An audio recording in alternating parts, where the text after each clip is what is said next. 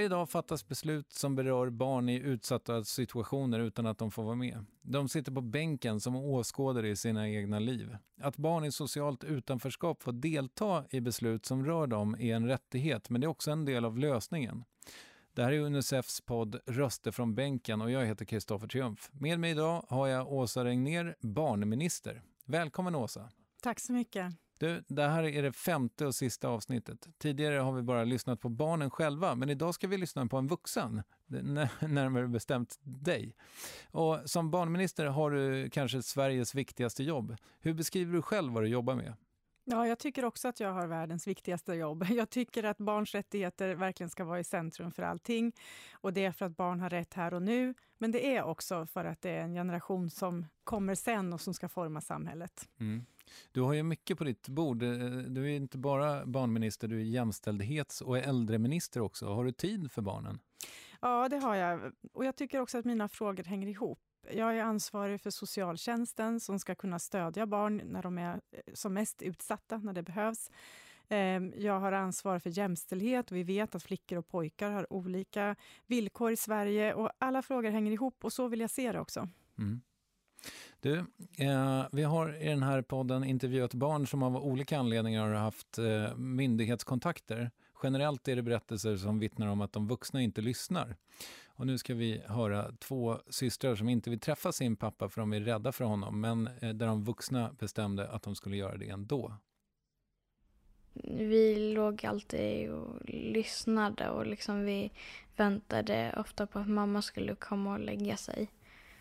Jag var rädd att han skulle göra illa mamma.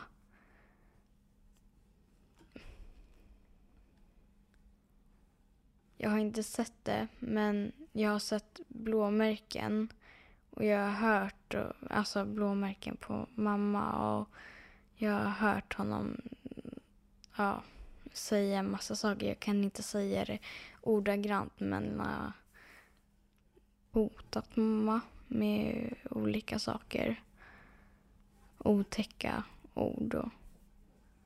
Alltså jag, jag, det var helt normalt för mig att han slog mamma och att eh, han sparkade sönder saker hemma, som möbler och sånt och att han kastade katterna. Och, för liksom när han kom hem och började skrika på mamma och liksom slå sönder saker hemma, då tänkte man alltså, men hallå, alltså jag kan inte klaga liksom för att alla barn har det så här hemma.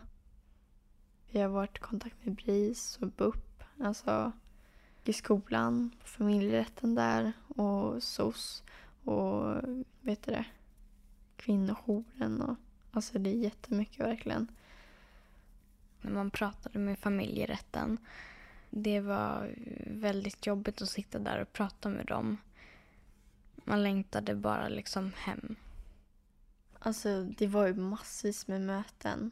Och jag kommer ihåg att mamma sa liksom ja, men det, här, alltså det här är verkligen folk som kommer lyssna på er. Liksom, de kommer ta hänsyn. Och, och sen var det liksom tvärtom. De lyssnade inte på oss alls. Och liksom, Hur märkte du det? Hon sa liksom att våra rädslor inte var befogade.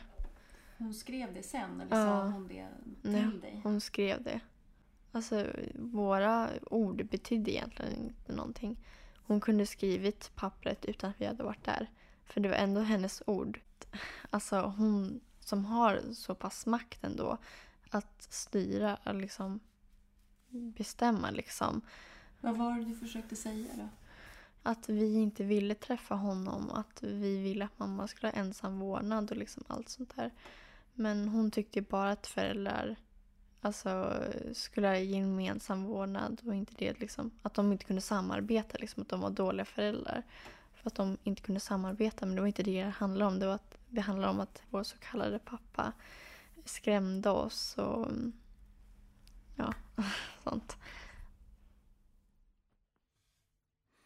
Mm. Systrarna upplever att de har blivit påtvingade umgänge med sin pappa. Och, eh, nu har mamman vårdnaden om barnen men pappan har överklagat igen så de vet inte hur det blir. Och om man vill höra hela det här så kan man lyssna på avsnitt ett i den här poddserien.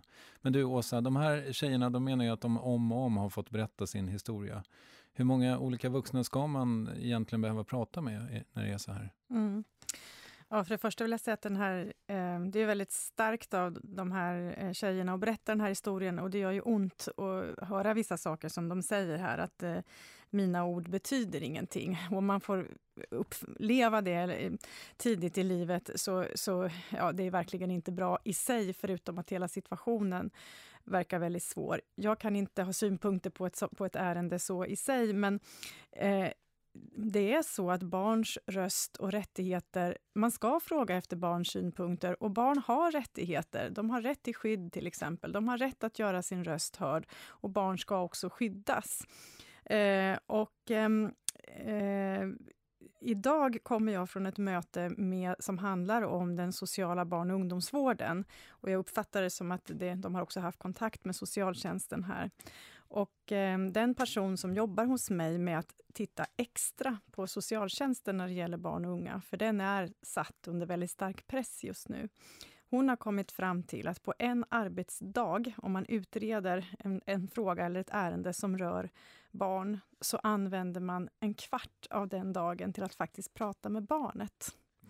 Och det är ju alldeles för lite. Eh, och eh, vi jobbar nu på olika sätt för att förbättra den här situationen och för att barns, barns eh, synpunkter ska vara i fokus och att den här, varken känslan finns eh, och också att förstås då att, att besluten blir bra för barn. Mm. Vilka är de olika sätten som ni jobbar på? Då? Ja, jag som är minister, jag har ju ansvar för så att säga, den nationella nivån, eh, förutsättningarna i Sverige som land.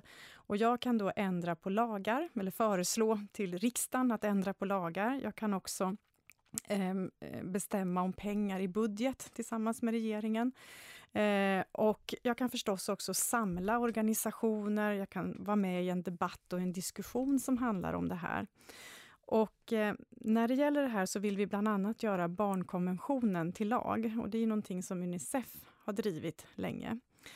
Eh, så det eh, vill vi göra och kommer vi att göra. Och då är förhoppningen att barns röster eh, ska kunna få bättre genomslag i beslut, myndighetsbeslut som rör barn. Det får man se när den sen används i domstolar och så vidare. Men det är erfarenheten till exempel från Norge, där man har gjort den här förändringen. Det är ett exempel på saker vi gör.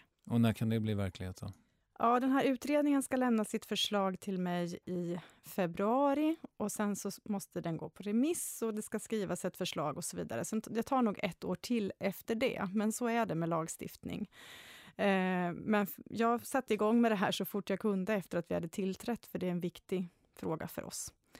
Men när det gäller till exempel socialtjänsten, som är mitt ansvarsområde, så försöker vi också där att så att säga, stödja socialtjänsten i att ha tid för barnen och att använda metoder så att man säkerställer att man faktiskt gör det. Mm. Eh, och, Men hur, eh, hur, ska den här kvarten kunna få bli några timmar då? Ja, det behövs olika saker där. Dels är det så, vi vet att i vissa fall så behövs det pengar helt enkelt. I andra fall så behöver man helt enkelt arbeta på ett annat sätt. Och vi försöker hjälpa socialtjänsten med att eh, behålla duktiga eh, socialsekreterare som har den här kunskapen och som har barn i fokus. Vi försöker stödja dem i att man använder metoder som man vet fungerar, att man har så att säga, system så att man vet att man har frågat barnen och så vidare. Men det ligger ett stort ansvar i det dagliga arbetet och mötet med eh, de, de, här eh, barnen som var med här i inslaget till exempel. Det ligger på den kommun, den stad man bor i och den socialtjänst man träffar. Men jag gör vad jag kan för att de ska ha förutsättningar att förbättra det här. Mm. Du, eh, vi ska Eh, också lyssna på Evelina. Hon blev eh, placerad på vuxenpsyk som 14-åring efter ett självmordsbesök eh, när det inte fanns plats på BUP, alltså barn och ungdomspsyk. Vi lyssnar på det. Uh, och då har jag liksom skrivit alltså exakt klockslag. Och sen så har jag förklarat vad som hade hänt. Och att jag var så här i R-huset på vuxenpsyk för att det är fullt på avdelning 5, akutpsyk för barn. Så jag har skrivit när jag kom till avdelningen så fick jag så lite papper och En, alltså en macka och näringsjuice. Så här har jag skrivit på dag två. Då. Så här, sitter i en fåtölj i korridoren och skriver helt ensam. Satt och grät en timme förut men det fanns ingen så här personal ledig. Innan jag varit inlagd så hade skolan skickat Kuratorn hade skickat tre remisser till BUP. Fast de slarvade BUP bort. Tre stycken. Men vad, när du säger att de slarvade bort vad menar du? De försvann. Man hade aldrig sett dem. Så skolan hävdar att de har skickat Mm. Papper om att du behöver få en BUP-kontakt? Jag var med när skolkuratorn skickade remiss. För hon frågade mig lite om vad som jag tycker är viktigast att ta upp med dem. Så här. Men du fick ingen kontakt på BUP? Nej. Vad tänker du om det? Alltså hon skickade dem ett halvår innan jag blev inlagd. Om jag kanske hade fått så här rätt hjälp i tid så kanske det inte hade gått lika långt. Lite. Så jag har skrivit här hade jag ett stort bråk med min mamma. För då skulle vi åka till skolan och hämta lite så här material och sånt. Så kom hon aldrig då. När hon kom sen så frågade jag varför hon var så sen. Och då så hade hon pratat med skolan och de hade sagt att jag inte fick komma tillbaka på ett tag. Minns du vad du tänkte när du fick höra att du inte fick komma till skolan? Vart liksom så här straff för att jag mådde dåligt och då får jag inte gå tillbaka till skolan. Och, alltså... Han förklarade ju för mamma efteråt, ja, flera veckor efteråt, att han inte kunde hantera min skolgång. Han visste inte hur han skulle göra och, med någonting. Vem sa det? Rektorn. Så då såg han den snabba lösningen och enkla, stänga av mig. Mm, det här var Evelina från avsnitt två i den här poddserien och eh, hennes skolgång slutade alltså fungera efter att de vuxna upptäckte att hon mådde dåligt. Och hon har missat halva åttan och hela nian. Eh, alltså hon hamnade på vuxenpsyk också för att det inte fanns plats på BUP. Får det gå till så? Alltså en, en 14-åring är ju ett barn eh, enligt barnkonventionen eh, och, eh, och ett barn ska ha särskild uppmärksamhet och åtgärder som är anpassade för det här barnet. Ehm, och det låter ju på den här berättelsen, igen utan att jag vet exakt omständigheterna i det här fallet, som att det är flera länkar i en kedja som inte är så starka som de borde vara.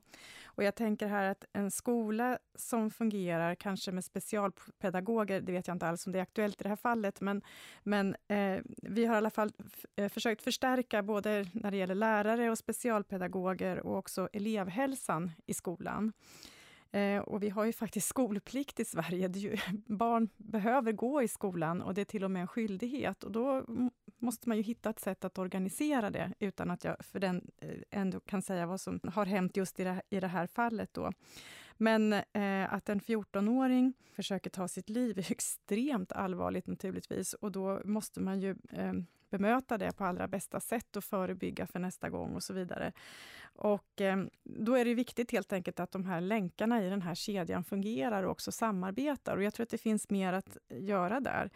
Och eh, vi har ju bland annat Barnombudsmannen som är min, eh, en myndighet som rapporterar till mig och de har ju, eh, är ju duktiga på att följa upp olika eh, delar i, i, samhället och hur man ser på barn. Och eh, jag tror att det är helt enkelt viktigt att fortsätta att arbeta så och också fortsätta att informera om barnkonventionen och rättigheter som barn har och jag samarbetar också med utbildningsministern, sjukvårdsministern och andra. Det är en del av mitt jobb att se till att de har barns rättigheter för ögonen i sina, på sina ansvarsområden.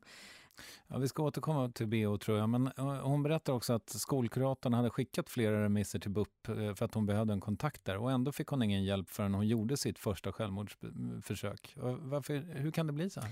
Ehm, ja, jag kan bara säga att det ska inte vara så. Jag kan inte ehm, säga exakt vad som har hänt i det här fallet, men, men eh, om jag förstår det rätt så verkar elevhälsan ha fungerat då i förhållande till henne på det sättet att de försökte hjälpa till. Eh, men vi vet att elevhälsan är väldigt viktig. Eh, samtidigt så, så eh, ja, det förefaller ju vara så att man behöver se en 14-åring verkligen som ett barn och sätta till alla klutar när, när det behövs hjälp. Ehm, det ska fungera så inom barnpsykiatrin så har vi förstått under arbetet med det här att man måste välja bort fall som inte är väldigt akuta och väl, väldigt, väldigt allvarliga. Uppenbarligen så krävdes det ett självmordsförsök från Evelina.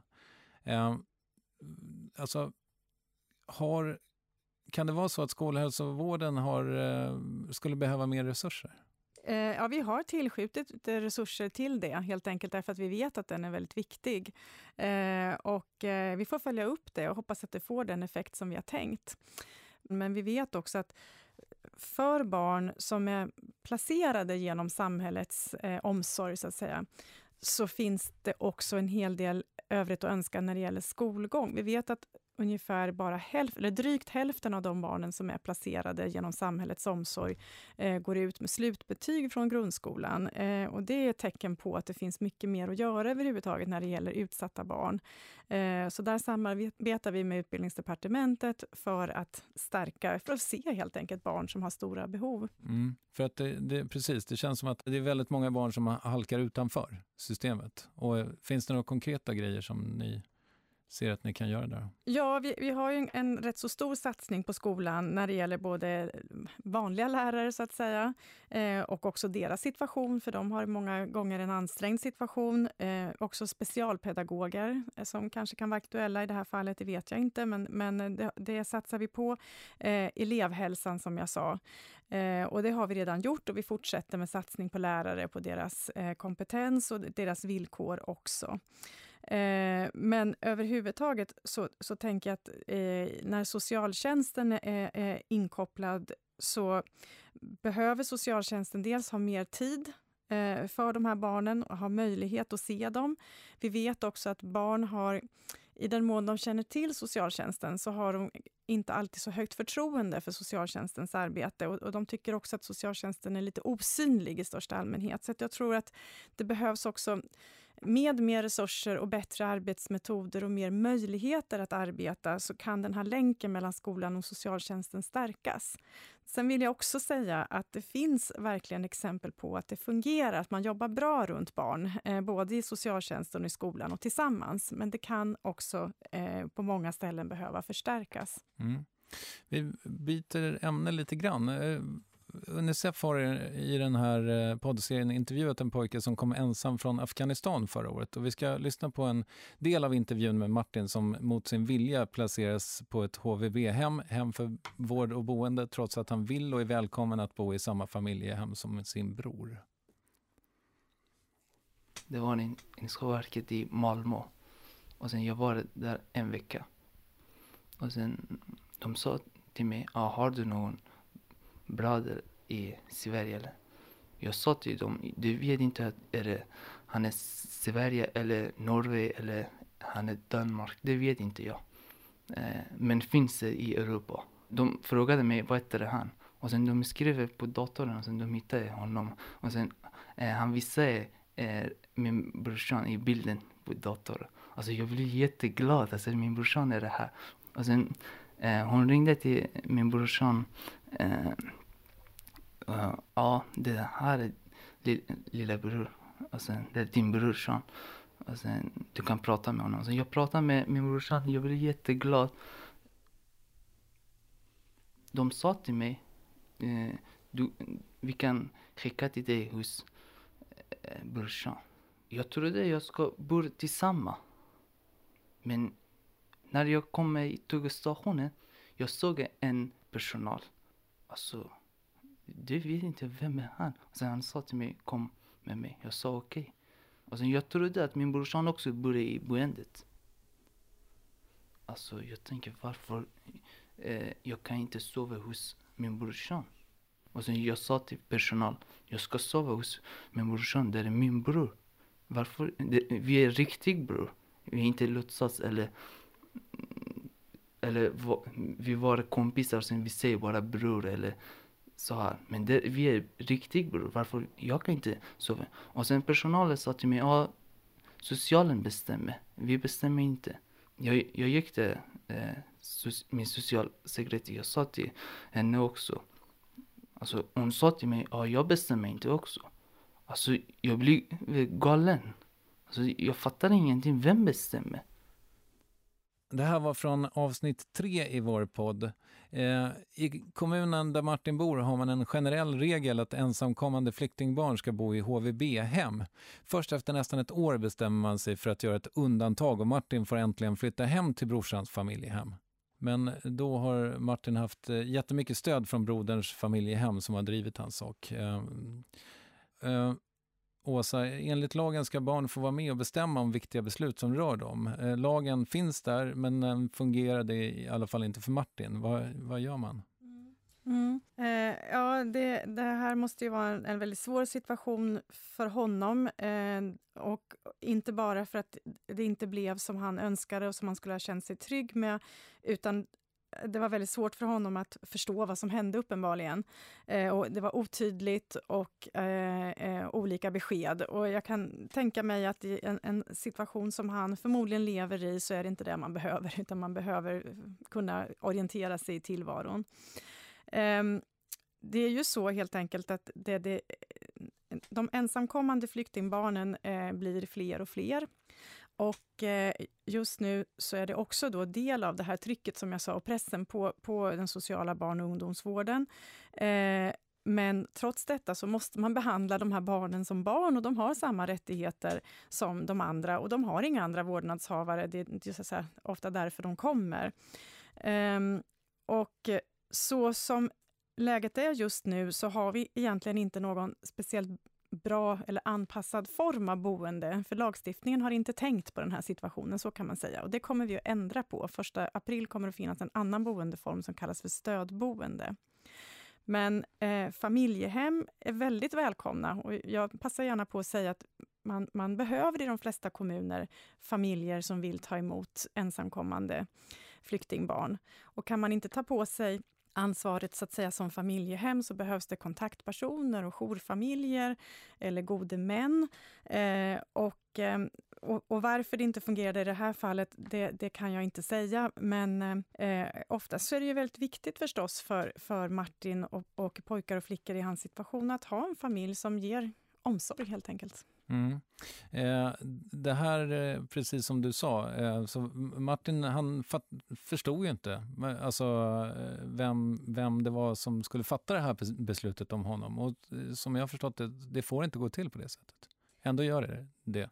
Ja, nej, men jag, i det här kan man säga att det kanske också är flera lager. Det är språkliga förbistringar och, och eh, oklart eh, hur regelverket fungerar och så vidare. Men, men man har ju ansvar för det här barnet så att säga. Och, och eh, eh så att man måste säkerställa att barnet känner att det har gjort sin, sin röst hörd och att, att det förstår vad som händer det är en ganska vanlig kommentar, inte bara från ensamkommande flyktingbarn, att barn som, som behöver stöd från, från socialtjänsten inte riktigt förstår vad som händer. Och de förstår inte heller alternativen och de förstår inte konsekvenser. Och då måste man ju ha mer än den där kvarten att, att eh, förklara det på. Sen har jag stor eh, respekt för att, att många socialtjänster jobbar väldigt hårt och att man också ställs inför situationer som man kanske inte gjorde för några år sedan. Det, det förstår jag.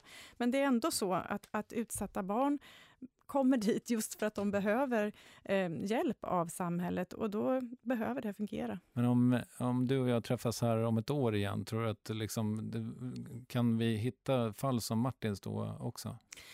Man kan aldrig säga att allting fungerar eh, perfekt, eh, men min ambition är verkligen att vi ska ha fått vissa saker på plats. Då. Till exempel har vi den här förändringen att stödboende har införts. Och vi har också då haft ett år på oss att jobba mer systematiskt med so den sociala barn och ungdomsvården eh, i socialtjänsten. Eh, och det ska ha resultat. Eh, och dessutom i förhållande till den förra intervjun vi hörde så har vi också satsat på kvinnojourer, lokala kvinnojourer och också för att de ska kunna fokusera både på kvinnor och på deras barn eh, och kunna planera mer långsiktigt än tidigare. och Så, så att, ja, det är absolut min ambition att, det ska finnas, att man ska kunna se mätbara effekter i barnens liv. Det är det som är målet. Mm.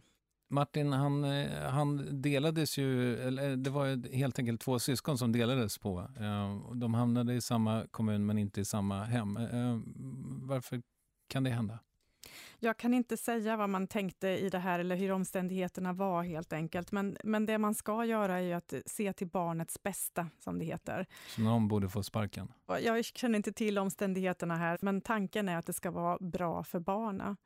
Och, och, när det gäller ensamkommande flyktingbarn så, så vet man i forskning och studier, förutom att det här är ett utsatt barn som kommer och som behöver omsorg just nu. Jag har också en 14-åring. En 14-åring är på väg ut i vuxenlivet men behöver också många gånger väldigt mycket stöd och eh, kramar och, och, eh, är verkligen tonåring och barn eh, samtidigt. Eh, men man vet också att ensamkommande flyktingbarn är många gånger väldigt motiverade och om de får det här bra stödet från början så går det ofta ganska bra i skolan och man är motiverad att fortsätta med studier och så. Så att det är viktigt att man får knuffen åt rätt håll och kramen när den behövs. Vi ska lyssna på en sista röst. Eh, som 12-åring så hade Erik redan ett eh, tungt eh, drogmissbruk och som 16-åring blev han inlåst dömd till sluten ungdomsvård. Men redan som 8-åring fick han diagnosen ADHD. Möten, möten, möten, möten, möten, möten. Samtidigt göra utredning och alltså nästan varje dag med någonting. med polisen eller med SOS eller med mm, utredarna och sådär med BUP och med skolan och rektorn och med ja, hela tiden någonting alltså. Oftast var det jag kastade sönder, alltså gjorde sönder papperna och fick om det eller gick ut därifrån och sparkade sönder någonting eller sprang därifrån och skrek eller jag ville bara softa, vara som alla andra liksom. Fan inte behöva åka på möte istället för att ja, träffa myndigheter istället för att vara med kompisar och hitta på roliga grejer. Åka bada eller cykla eller bygga kojor eller vad fan. Ja, sådär. Så fick du en utredning och så kom de fram till att du hade ADHD. Ja. Hur var det för dig? Alltså alla säger att det är fel på mig. Alla säger att jag är bara problem och man ska inte... Ja, typ en jävla ungjävel liksom. Fan alltså. Kan inte vara som alla andra eller sådär liksom. Och det kändes som... Eh, nu vet jag vad jag är. Jag har ADHD. Men sen efter det så fick jag bara höra att jag ska inte skylla på att jag har ADHD liksom. Det är ingen ursäkt att du har ADHD. Cannabis, spice. Eh ecstasy, eh, svamp, eh, chack, metamfetamin, lyrika, tramadol. Så har det sett ut hela tiden sen jag var 12 år. Det finns ja. droger på alla ställen man är. Alltså vill man ta in droger så tar man in drogerna. Alltså jag har alltid, alltid alltså kickat och grejer. Samtidigt som ja, du var på behandling? Alltså. alltså på det första stället och andra stället också. Alltså fejka urinproven med, alltså Ja, med olika saker och sådär. Så jag har aldrig fått vara liksom, ett barn. Jag har aldrig kanske ens velat vara ett barn. Liksom. Passar inte in hos eh, mina klasskamrater som eh, var normala barn, eller man ska säga. Och passar inte in i vad samhället tycker är barn och så. Så jag, jag har väl aldrig fått vara barn. Alltså. Jag har väl varit... Fått blivit den jag eh, blivit liksom. Mm, och hela intervjun med Erik kan man höra i avsnitt fyra av Röster från bänken. Du Åsa, barn med ADHD de hamnar oftare i missbruk eller halkar efter i skolan och hamnar i kriminalitet och sådär. Med den kunskapen tycker man ju att vi borde kunna fånga upp de här barnen. Varför, varför gör vi inte det? Det finns ju många barn med ADHD som det går väldigt bra för. Det tror jag är viktigt att säga. Eh, så många gånger så fungerar det bra. Eh, men det gör inte alltid det och orsakssambandet, varför hamnar man i missbruk och så vidare, är inte heller glasklart, men, men i alla fall. Man behöver göra olika saker igen. Skolan måste fungera på ett bra sätt. Um, igen, socialtjänsten som jobbar hårt, det vill jag också poängtera. Det finns många socialtjänster som verkligen jobbar bara så mycket de kan, också när det gäller eh, missbruk eh, och sjukvården. För att han har ju haft förmodligen rätt mycket kontakter med sjukvården också. Sen eh, hade jag för inte så länge sedan så var jag och besökte en, en, en avdelning på ett stort sjukhus i Stockholm som jobbar med eh, just missbruksfrågor och de beskriver ju det som vi har sett att det kommer, det är ganska lättillgängliga droger om man vet vad man ska leta efter dem på nätet och så vidare. Eh, och vi vet också dessvärre att ganska unga personer, inte så unga ännu som Erik, eh, men tyvärr så i allra värsta, värsta fall så leder det faktiskt till att man dör väldigt tidigt. Och eh, eh, det här ökar i Sverige, så det är verkligen en allvarlig fråga. Och jag och eh, sjukvårdsministern Gabriel Wikström arbetar med ett, en ny så att säga, handlingsplan när det gäller att kunna fånga upp de här både det som inte fungerar redan, men också det som är eh, en verklighet som finns idag, så att säga, för att eh, olika instanser ska kunna stödja eh, i de här situationerna helt enkelt. Eh, alltså, självklart så, eh, jag förstår din invändning att eh, alla som har ADHD hamnar i, inte i drogmissbruk eller så, men, eh, men de gör det oftare. Eh, och eh, Erik här, han är ju liksom ingen gullig liten kille längre. Vems, vems fel är det att han är kriminell?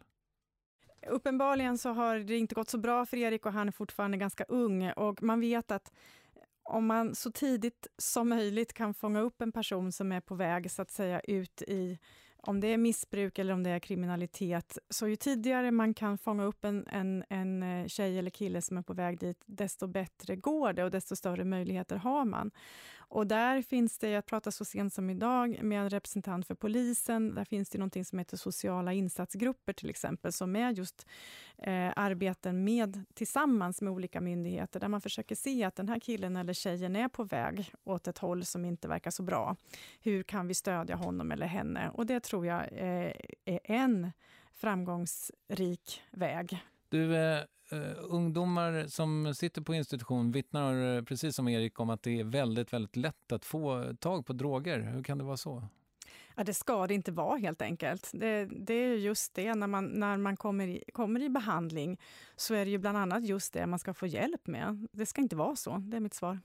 Eh, om vi pratar i generella termer då, de här, alla de här barnen som vi har hört, eh, deras rättigheter har på ett eller annat sätt kränkts. Vart kan barn vända sig när de har blivit felbehandlade? De ska kunna vända sig förstås till skolan.